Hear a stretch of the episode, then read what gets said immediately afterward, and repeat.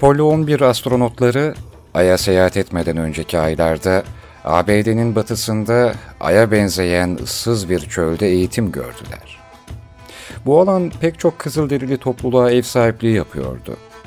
Bir yerliye astronotlar arasında geçen bir diyaloğa dair şöyle bir hikaye vardır. Bir gün eğitim esnasında astronotlar yaşlı bir Kızılderili ile karşılaşırlar. Adam orada ne yaptıklarını sorar. Astronotlar kısa süre içinde Ay'a yapılacak bir araştırma seyahatinin parçası olduklarını söylerler.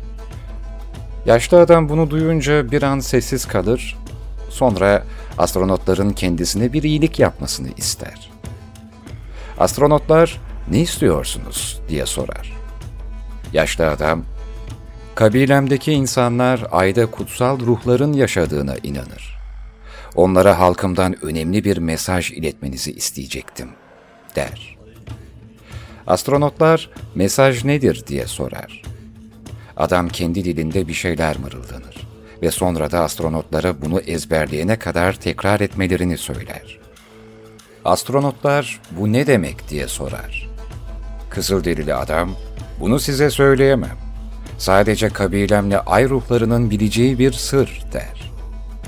Üste geri döndükten sonra astronotlar uzun uğraşların ardından yerel dili konuşabilen birini bulur ve ondan mesajı tercüme etmesini isterler.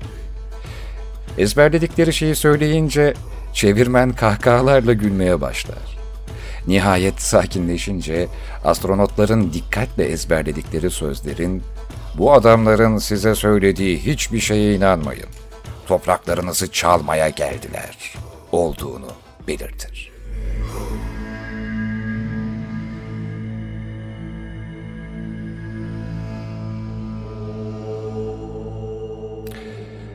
Bugün bile insanlar arasındaki iletişimin büyük bölümü ister elektronik posta, ister telefon konuşması veya gazete sütunları olsun dedikodudan oluşur.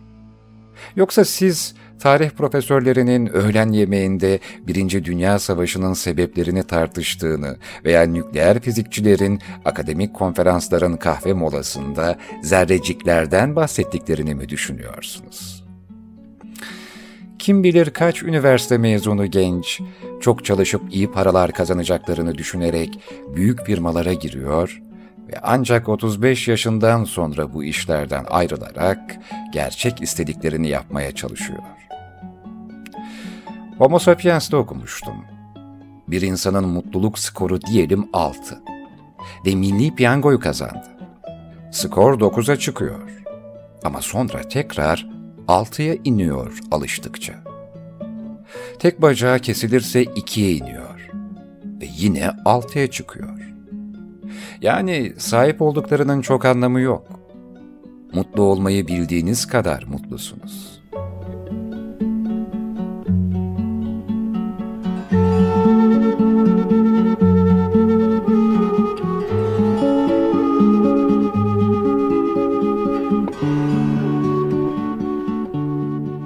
Göte soruyor.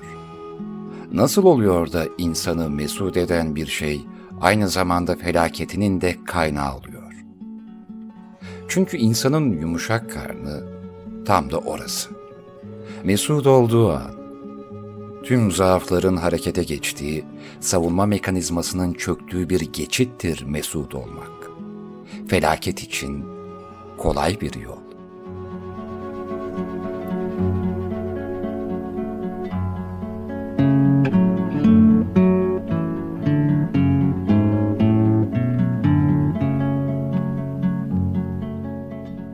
Gözlerinizi dışarılara çevirmişsiniz. Tek çıkar yol, gözlerinizi kendi içinize çevirmenizdir. Yalnızca içteki yakındır. Başka her şey uzak. Günümüzde sanat ve tiyatro gerçekten kokuşmuş bir halde. Leş kokan genel kurul odaları, devlet memurları, ticaret, reklamcılık, tek düzelik, rahatına düşkünlük, boş zaman, can sıkıntısı, bürokrasi ve yalan dolan. Bir tek sanat yok. Artık sadece sanat ticareti, sanat borsası ya da sanatı teşvik ticareti olacak. Bir başka banka hesabı daha. Sayıları toplama sanatı. Ama biz buna alet olmayacağız. Çünkü bizler farkındayız ve bu yüzden özgürüz. Ama diğer yandan yeni nesil sanatta müthiş şeyler de oluyor. Gencecik müzisyenler, şarkıcılar, ressamlar, piyanistler, komedyenler harika işler çıkarıyor ve toplum büyük bir teveccühle sarmalıyor kimisini. Magazinle ünlü olmakla değil, kendi meramını anlatmaya derdi olan güzel insanlar da var. Sanat, insanlara yaşadıklarını hissettirebilir. Sanat, erkek ve kadının ruhuna erişebilir. Sanat, topluma şuur getirir. Sanatın insanlara güç verebileceğine inanıyorum. Sanat bir inançla bile olabilir. Ama bir dekor asla. Sanat gerçek bir silahtır. Sanat içinde geleceği barındıran bir silahtır. Hedef vurulmalı.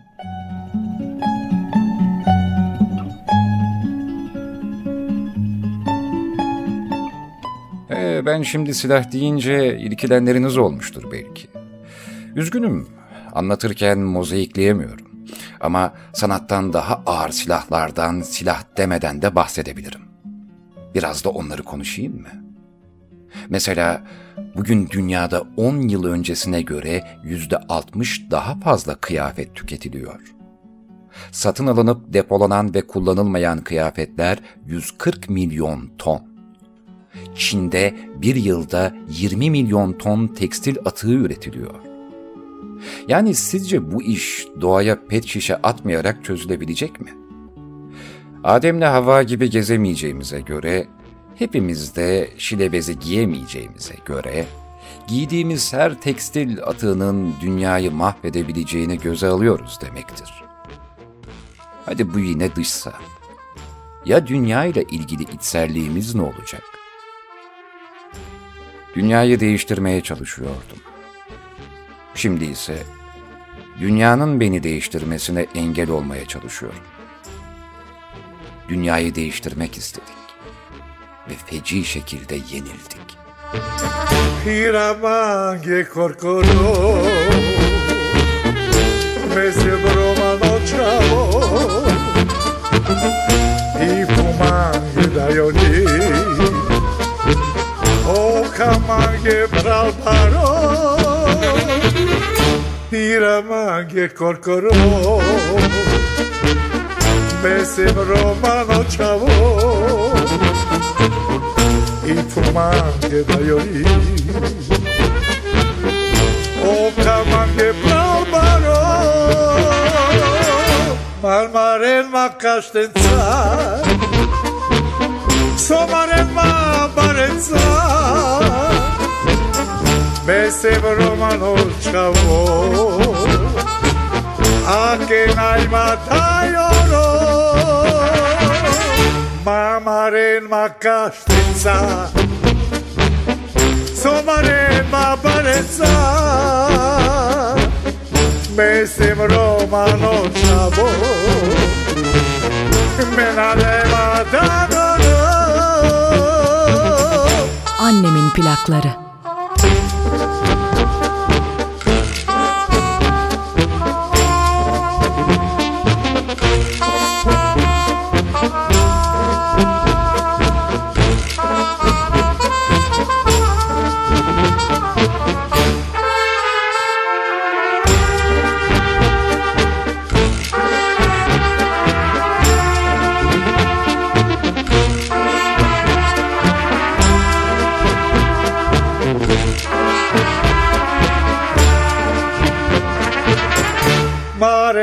mama amenașală Vă cânteva caite geam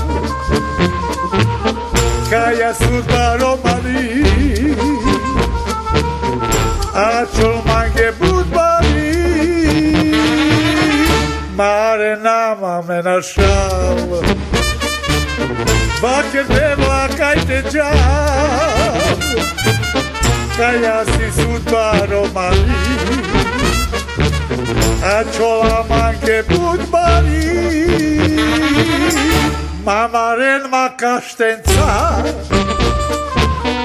Սամարեն մաբարեցա Մեսե բրոմանոչավո Մելանե մանդադորո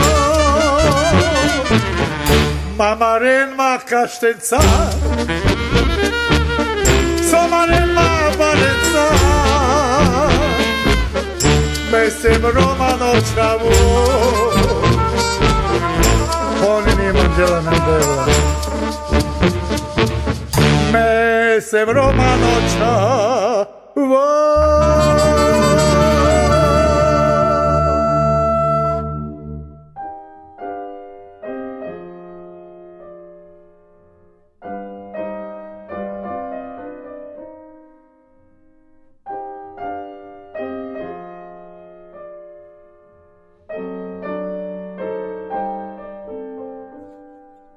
Oyunculuk, bütün kalbinle yalan söyleme sanatıdır. Ve siz çoğu dizilerin oyuncuları o kadar kötü yalancılarsınız ki. Yalanın bile estetiği olmalı ki buna biraz da sanat diyoruz. Tiyatro salonlarında her gece Hamlet ölüyorsa, ertesi günü diriliyorsa, oyunculuk sahiden de bütün kalbinle yalan söyleme sanatı olmalı. Hem insanları yalan söyledikleri zaman dinlemeyi severim. Olmak istedikleri ama olamadıkları kişiyi anlatırlar. Giden hep niye gider? Nereye gider? Toplumların kimisi niye göçebedir? İnsanlar sırt çantalarını neden bu kadar severler? Bir seyyahtır insan. Görmek için doğmuştur. Gitmek için vardır. Küçük şeyleri büyük bir sevgiyle yapmak. Önemli olan ne kadar çok şey yaptığınız değil. Yaptığımız şeye ne kadar sevgi kattığımız. Önemli olan ne kadar verdiğiniz değil verdiğimiz şeye ne kadar sevgi kattığımız. Tanrı için küçük diye bir şey yoktur.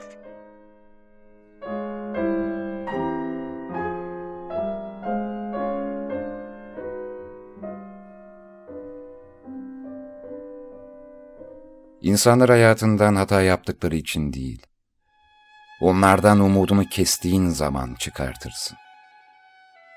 Bundandır bir gün birini affetme işin. Yoksa affedilmeyen hata değildir. İnsan birinden umudunu kesmiş olmayı affedemez. Birinden umudunuzu kestiğiniz duygunuzu affedemezsiniz. Cesaret, korkulması gereken şeyleri hor görmektir. Sadakat, insan yüreğinin en kutsal iyiliğidir. Tutku, ruhun akıl dışı ve doğaya aykırı devinimidir ya da aşırı dürtüdür.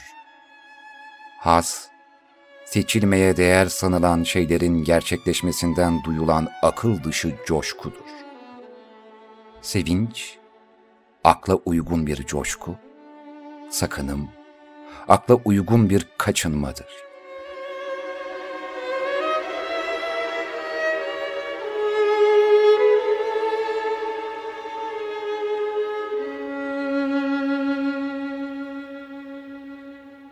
Korkunun ecele faydası yoktur ama vardır ecelin faydası korkuya. Ölümü kabullenenler korkmazlar. Topraktan geleni bayılarak yediğimiz, hatta o yediğimizi de topraktan yaptığımız kaplara koyduğumuz bizler, neden toprağa geri dönmekten korkar olduk? Öleceğinizi bile bile sevmez misiniz?'' Eşinizi, dostunuzu, ailenizi, çocuğunuzu. Birbirinizi sevin çünkü sevgi en güzel hatıradır. Ayrıca unutmayın ki ölümsüzlüğün tek şartı güzel hatıralar bırakmaktır geride kalanlara. Ve korkunun ecele faydası yoktur. Ama korkusuzluğun ecele faydası çoktur.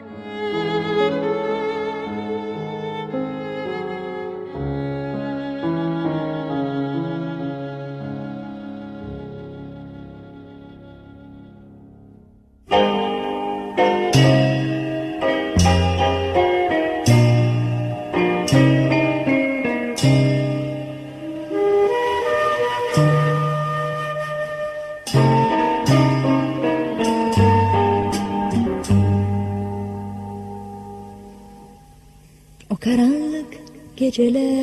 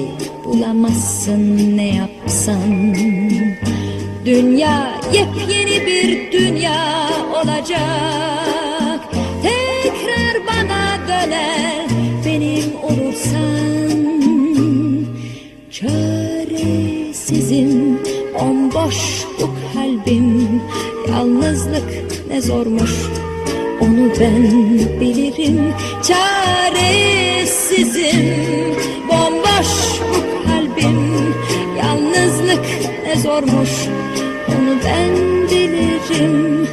Çok yalnızım. O karanlık gecelerde. Senin için ağladım ben durmadan. Yalvarırım duy da sesimi gel artık. Senin için çarpan kalbim durmadan. Annemin plakları.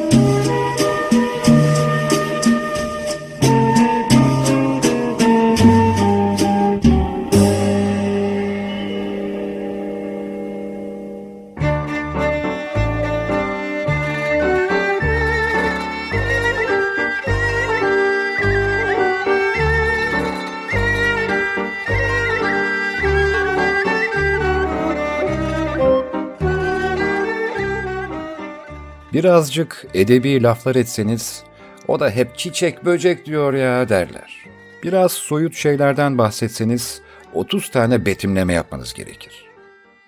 Edebiyat, şairlik, derinlik, toplum için sanki biraz da zayıflık örneği gibidir. O da çok duygusal ya derler. Duygularını işe karıştırma derler. İnsanın makinalaştırılmasının tuzağına düşen çoğu kişi bunu söyler. Onların muhabbetine baktığınız zamansa ne konuşuyorsunuz diye sorduğunuzda hiç havadan sudan derler. Aa ne güzel yanlarına oturayım da ben de dinleyeyim. Nefis bir konu düşünsenize. Hava ve su. Yani doğa ve elementlerimiz. Yani hayat. Yani ihtiyaç. Yani olmazsa olmaz şeyler. Hava ve su. Eğer hava ve sudan bahsediyorlarsa kesin toprak ve ağaçtan da bahsederler diye düşünmem lazım. Havadan sudan konuşuyoruz diyen insanların muhabbetlerine kulak verdiğinizde şunları duyacaksınız. Ne yaptılar sizinkiler? O arsayı sattılar mı? Sen senin arabayı ne yaptın ya? Satacağım diyordum. Müteahhitle konuştum. Belediyeden bir tanıdık bulursa bir kat daha çıkacağız bizim apartmana. Düğünde falanca altın takmamış. Şu köşeye kardeşler diye şöyle bir büfe açsanız. Günde 100 sosisli satsanız nedir maliyeti? 1.85, hadi 2 lira diyelim. 4 liraya satsanız ne eder ayda gibi konuşmalara şahit olursunuz. Havadan sudan konuşuyoruz diyen insanların konuya en yakın kelimeleri sanırım arsa ve arazidir. Ne de olsa doğayla alakalılar.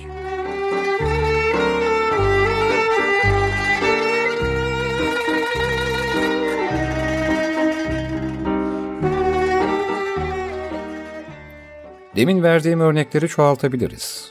İşte dedikodular, arkadan konuşmalar, borç, harç falan filan.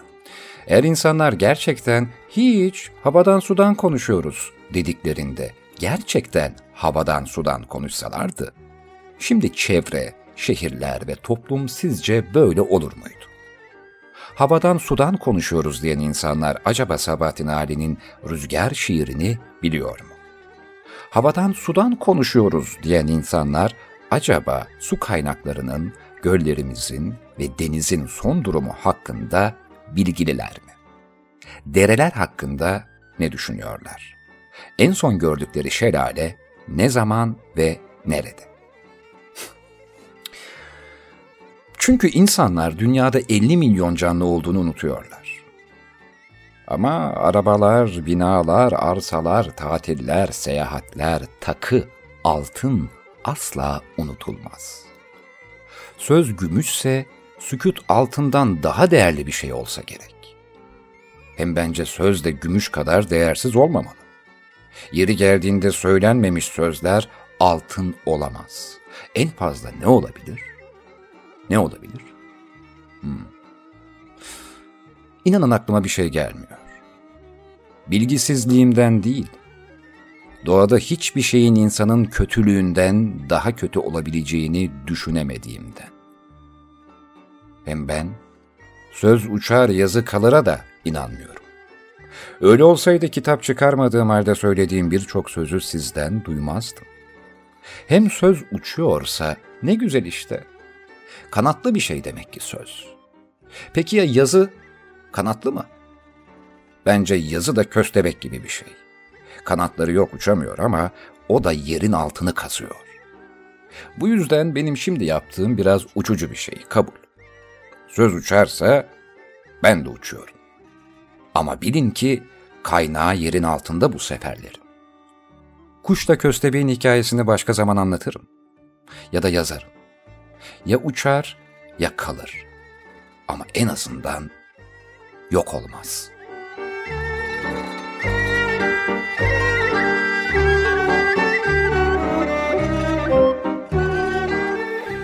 Evet, böyle şeyler anlatmaya başlayınca sonu gelmeyecek gibi oluyor değil mi?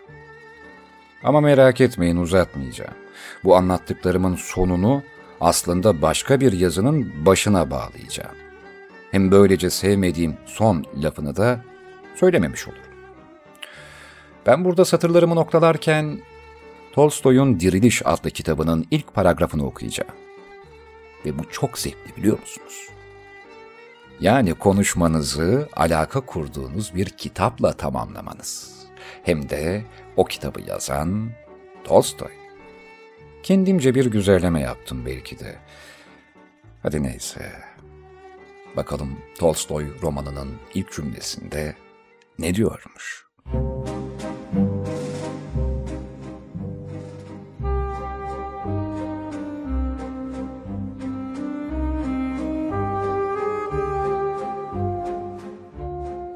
Küçük bir yerde birkaç yüz bini bir araya gelmiş insanlar. Üzerinde toplandıkları toprağı ne kadar bozmaya çalışmış. Hiçbir şey yetişmesin diye taşlarla doldurmuş.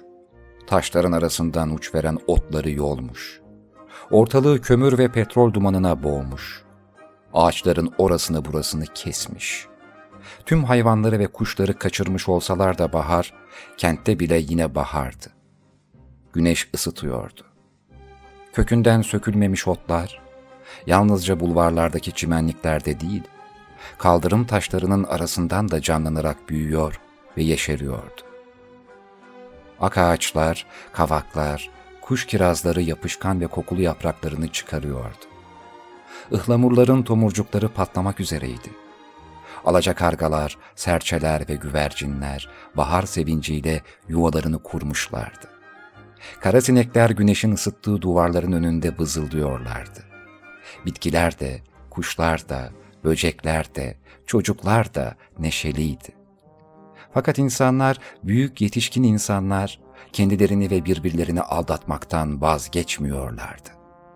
İnsanlar bu ilkbaharın sabahını, tüm canlılığın iyiliği için yaratılmış olan dünyanın bu güzelliğini, barış, dirlik, düzenlik ve sevgi çağrıları yapan bu güzelliği değil, birbirlerine üstün gelmek için kendi uydurdukları şeyleri kutsal ve önemli sayıyorlardı.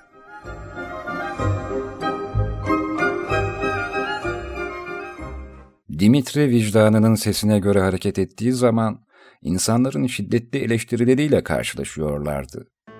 Çevresindekilerin yaptığını o da yaptığı zaman etrafındaki bütün insanların onayıyla karşılaşıyorlardı. İnsanın kendisi kötüyken kötülüğü nasıl düzeltebilir? Köleliği yasalar koruyorsa, namuslu bir insan için en uygun yer hapishanedir. Oysa kimilerinin sınırsız otoritesi, kimilerinin kölece bağımlılığına bağlıdır. İnsan bir yandan yumuşak, öbür yandan sert davranmayı bilmeli. Başkalarının görmedikleri şeyleri görecek kadar ben sanrılı mıyım? Yoksa onlar benim gördüklerim yapacak kadar deli mi? İnsan bazen başkaları için karar vermeye hakkı olmadığını anlıyor. Kendine inanmalı insan. Av torbasındaki yaralı kuş çırpınmayı kesince unutulurdu. Ne yiyeceksiniz? Ne mi yiyeceğiz? Gönlümüzün çektiği her şeyi. Önce ekmekle çorba, sonra da çorba ile ekmek yeriz. Her zaman aynı şeyler oluyor, dedi ve yatmaya gitti.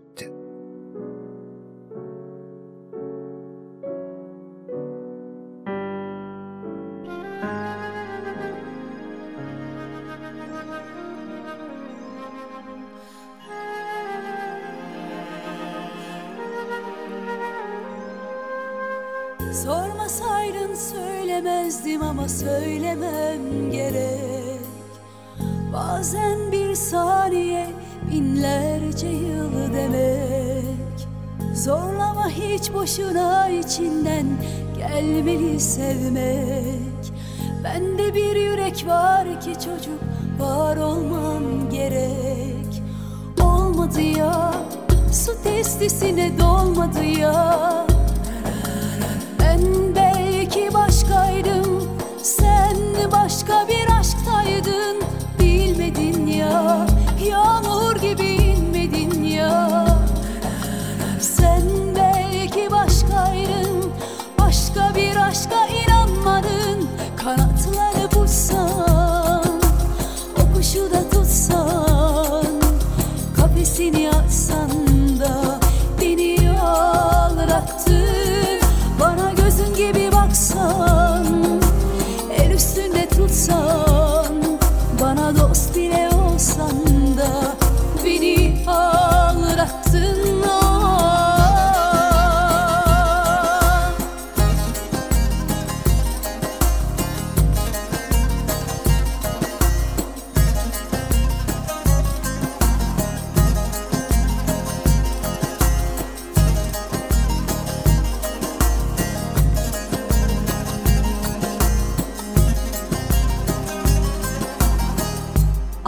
plakları. Sormasaydın söylemezdim ama söylemem gerek. Bazen bir saniye binlerce yıl demek. Zorlama hiç boşuna içinden gelmeli sevmek. Bende bir yürek var ki çocuk var olmam gerek. Olmadı ya su testisine dolmadı ya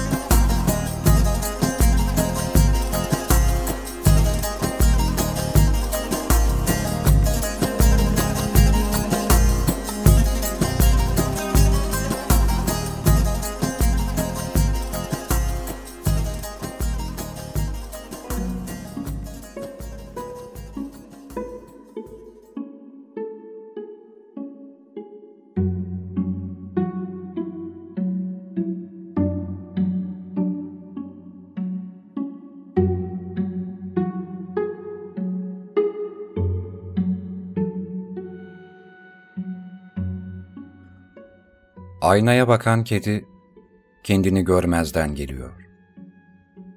Kedi aynaya baktığında bir kedi görüyor olsa pati atar, miyavlar ya da ne bileyim bir şey yapar. Kedi aynada kendini gördüğünü anlasa bir inceler, şaşırır ya da ne bileyim bir şey yapar işte. Ama ben bir şey yapmayışına hayranım kedinin. Aynaya bakan kedi kendini görmezden geliyor, yürümeye devam ediyor, yolundan şaşmıyor. Oysa insan bir aynanın yanından geçerken bir kez gördü mü bir daha bakar kendine. Ne aynası? Vitrin camları bile öyledir. Kendinizle karşılaşma durakları. İnsanlar vitrinlere içindekiler kadar kendi dışına da bakar. Vitrin camları hep dışarıdaki insanları sergiler. İnsan da kendi sergisinin gezintisinde caddelerde. Kendini görmezden gelemez çoğu insan. Bir kedinin umarsızlığı en hayran olduğum yanlarındandır. Kuşları olan zaafları ise insana benzer. Öldürürler ama yemezler. Oysa hayvanlar yemek için öldürür genelde. Kedinin bilgeliği kuşunkinden fazla mı bilmem ama bana daha yakın olduğu için şimdilik mürşidim o. Aynaya bakan kedi kendini görmezden geliyor. Aynı benim gibi. Aynaya bakan kediyle hiç göz göze gelemezsiniz aynadan. Oysa kendi gözlerinize uzun süre baksanız delirirsiniz. Kedi evde yaramazlıklarıyla sizi kızdırabilir ama delirtmez. Aynaya da gerek yok. Bir kediyle birebir direkt göz göze gelseniz ve kedi bakışlarını çevirmese, ilk başını çeviren siz olursunuz. Delirmemek için. Kedi belki bir buçuk yaşında. Ne dünya savaşı biliyor, ne Hitler, ne Anadolu, ne siyaset, ne akraba. Siz bunların hepsini biliyorsunuz da ne oluyor? Sonuçta kedi sizden daha fazla şey biliyor. Size taharetlenme öğretilmeden bilmezsiniz temizliği. Ama kedi pek güzel örter büyük abdestini. Ayna örneği de böyle işte. Size aynada önce kendinize bakmak öğretildi. Kedi ise aynadan bile dünyaya bakıyor. Kendi güzelliğinin farkında olana ayna ne gerek? Belki de en çok kendini güzel bulmayanlar bakıyordur aynaya. İnsan aynada kendini mi güzelleştirir? Yoksa güzelliğini aynada mı göresi gelir? Ve ayna neden hemen güzellikle ilgilidir? Daha da tuhaf bir soru. Neden çoğu büfenin setinde tostunuzu yerken her yer aynayla kaplıdır? Sıra servilerdeki büfelerin içi niye ayna dolu? Bunun dışında evde hiç ayna karşısında yemek yemişliğiniz var mı?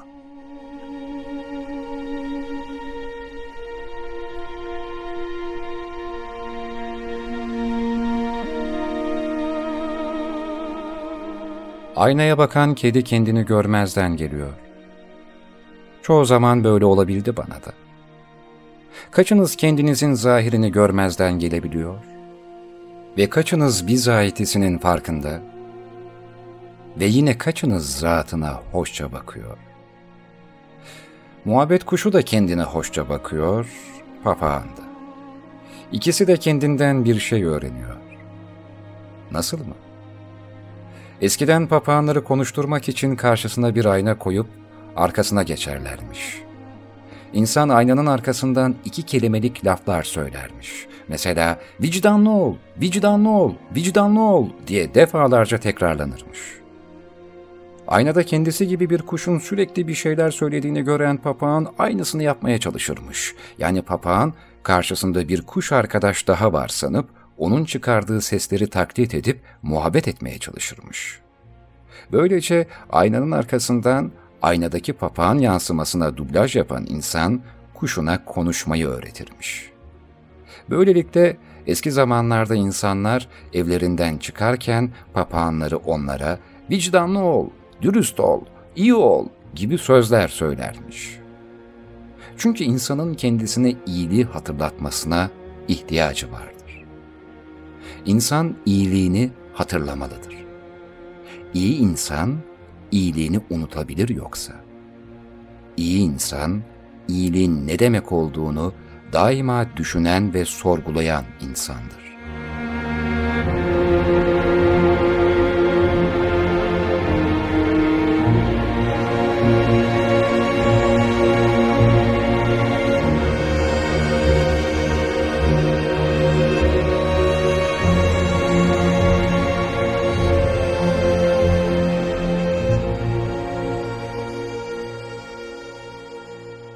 İyilik yapan insan, iyi insan mıdır? Yoksa iyi insan, iyi kalabilme savaşı veren insan mıdır? İyilik yapmanız kolaydır. Birine yardım etmeniz, para vermeniz, erzak almanız ya da bir işini görmeniz. Bu kolaydır. Bunları yaparsanız kendinizi hemen iyi hissetmeniz de kolaydır.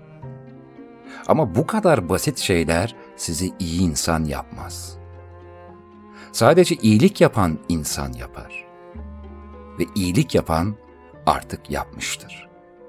Yapılan iyilik geçmişte kalmıştır.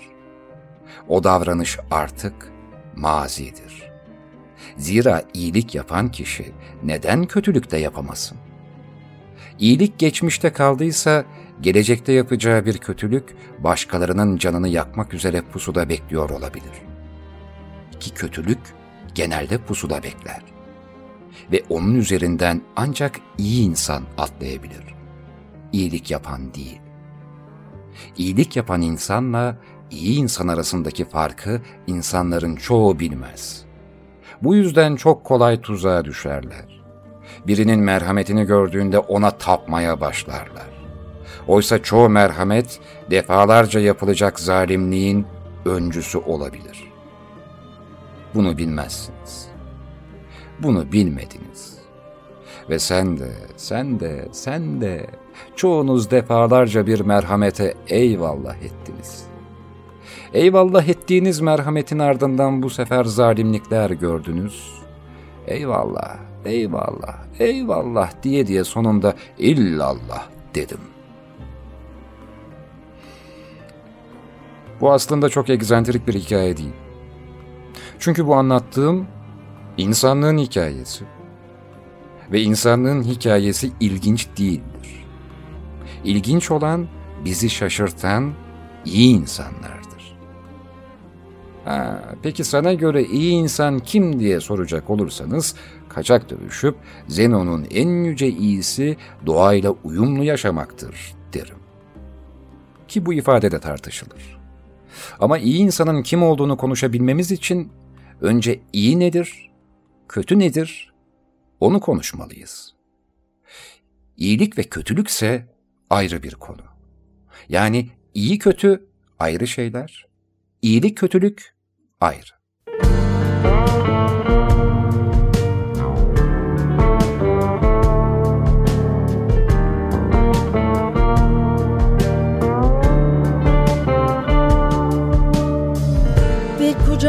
Çiçek üstümüze dünya. Artık rüyalar gör şarkı sayıkla İyi gelir Yasemin kokusu hayal kırıklığına. Sensiz bu kadar oluyor eyvallah. Sensiz bu kadar eyvallah Yaseminler üstüne yemin ederim Aşk biziz koysalar cennete yanarız yine Budur hikayemiz. Yaseminler üstüne yemin ederim Düş biziz sevmeye geldik bu cehenneme Budur hikayemiz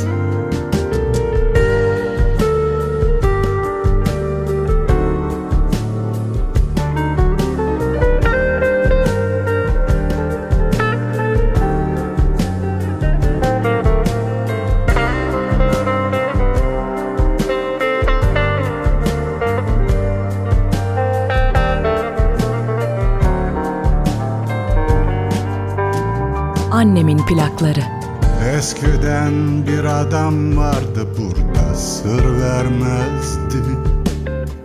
Artık anlatmak zamanı yaş kemalirdi Dışarıda Yasemin beyazı hafif bir rüzgar. Sensiz bu kadar oluyor eyvallah. Sensiz bu kadar eyvallah Geceyim uykuyum rüyayım sensiz. Bu kadar. Acıyım yangınım külüm sensiz. Bu kadar. Üzgünüm yakınım uzağım sensiz. Bu kadar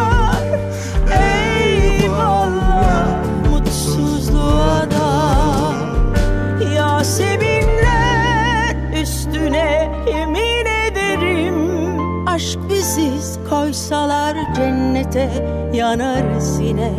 Budur hikayemiz. Yaseminler üstüne yemin ederim. Düş biziz sevmeye geldik bu cehenneme. Budur hikayemiz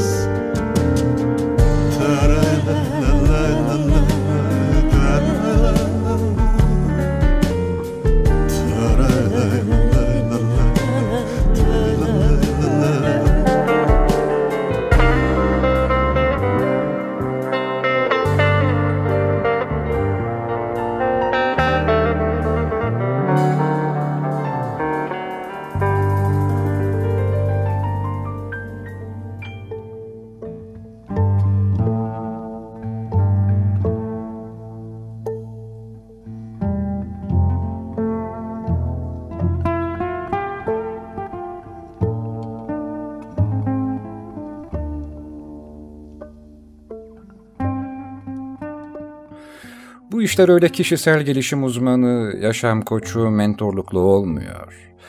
Onlar kendilerinden pek bahsetmezler. Sürekli sizden bahsederler. Sizin eksikliklerinizden ve nasıl yaşarsanız mutlu olabileceğinizden. Siz hiç kendinden bahseden bir psikolog duydunuz mu? Kendi geçmişinden örnek veren, acılarını ayan eden. Zaten psikologla muhabbet edemezsiniz. O pek konuşmaz. Siz anlatırsınız ona. Batı'da da insanlar günah çıkarmaya gidiyor. Karanlık bir odada günahını anlatıyor. Psikologların felsefesi olmaz. Okulda çok şey öğretilir onlara. Ama öğretilmek başka şey, öğrenmek başka şey. Öğrenen, öğrenmeye hevesli olan okullardaki ve kitaplardaki kalıpların da ötesine geçen. Öğretilense müfredatın insafına kalmıştır. Bu yüzden ben size kendimden bir örnek de vereceğim. Kendimi övmeden, bir bilgelik hikayesine çevirmeden, size hakkımda ne kadar düzgün bir insan dedirtmeye çalışmadan. İyi insan olmakla, iyilik yapan insan olmak farklı şeyler dedik ya. Heh, işte bununla ilgili. Bir keresinde annem birine yardım etmemi istedi. Annem demese hiç de yardım etmeyeceğim biriydi. Sırf annem üzülmesin diye o kişiye yardım ettim.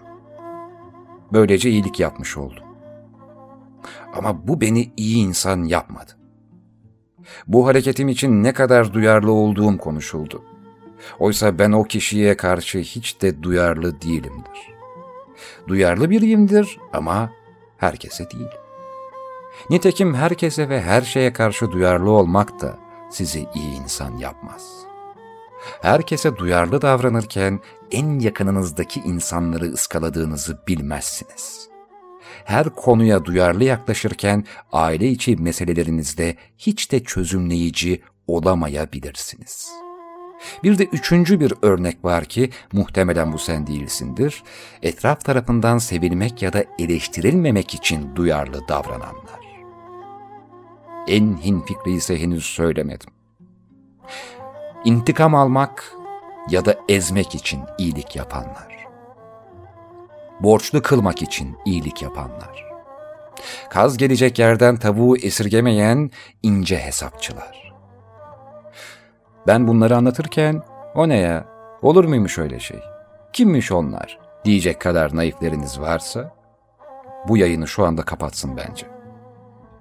Sevgi pıtırcıklarını değil, riya patırtısını duyanlar kulak verebilir bana ancak. Yoksa naif naif laflar ederek ideal, saf, temiz insan idolü çizen çok anlatıcı var. Gidin onları dinleyin. Hem onlar size çevrenize ne kadar anlayışlı, hoşgörülü davranmanız gerektiği hakkında benden daha iyi laf ederler. Kusura bakın ama ben ne sizi ne de çevrenizdekileri aziz ve azize ilan etmeye çalışan podcastçilerden değilim. Dünyanın hali ortadayken size yalan söyleyemem. Kötülük istatistikleriyle de beyninizi yakamam. Riyakarlıkların çetelesini tutum da demem ama yokmuşçasına da polyanla masalları anlatamam. Bu program kendinizi mutlu hissetmeniz için değil, neyi hissedesiniz varsa onun için var. Ben size belirli bir şey hissettirmeye çalışmıyorum. Ama siz belirgin olmayan hislerinizi tadıyorsunuz.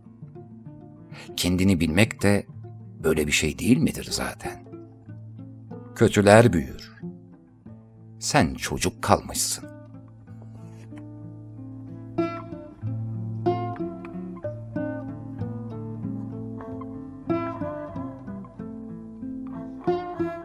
Yani demem o ki sevgili anlayıcı, iyi insan zannedilmek hiç de zor değil.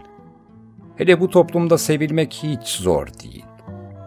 Onca niteliksiz insanların sosyal medya takipçi sayısına, bazı yazarların kitap satış sayısına, bazı oyuncuların ve filmlerin hatta dizilerin reyting rakamlarına bakınca hiç de sevmek, sevilmekten bahsetmeyi hak etmiyoruz bence kimin sevileceği ve kimin seveceği kimseyi ilgilendirmez diyebilirsiniz ama bu sevilme ve sevme kriterlerinin ucuzluğunu değiştirmiyor. Ve yine ironiler denizine bir olta attığımda şunu yakalıyorum. Kişi kendini sevmeli derseniz, aksi halde iki sonucun ortaya çıktığını gözlemliyorum.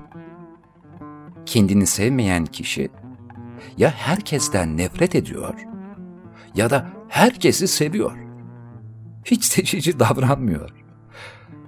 Hikayenin başıyla ortasından hatırlatmayla da sözlerimi noktalayayım. Aynaya bakan kedi kendine görmezden geliyor. Aynaya bakan papağan ya da muhabbet kuşuysa bir başka kuş daha varmış sanıp sürekli kendini izliyor.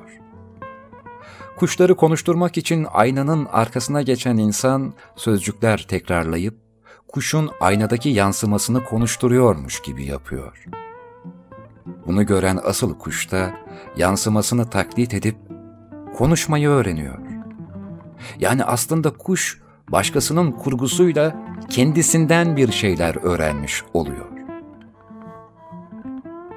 Ve biliyorsunuz, aslında papağan ve muhabbet kuşu sadece sesleri taklit eder o sözcüklerin ne anlama geldiğini bilmez. konuşabilen bir kuşa vicdanlı ol, vicdanlı ol, vicdanlı ol laflarını ezberleten de var, küfür öğreten de var. Bu yüzden belki de kedi haklıdır. Aynada kendini görmezden gelerek risk almıyor. Yoksa insan o kediye de aynadaki yansımasıyla bir şeyler öğretebilirdi. Ama öğrettiği şey iyi midir, kötü müdür, bunu öğreten de bazen bilmiyor. Kediye bir şey öğretemezsiniz. Kedi isterse öğrenir. Kedi kendi kendine öğrenir. Canı isterse ve dilediği zamanda. Kediye bir şey öğretemezsiniz. Kedi isterse öğrenir. Aynı benim gibi. Annemin plakları. Koyun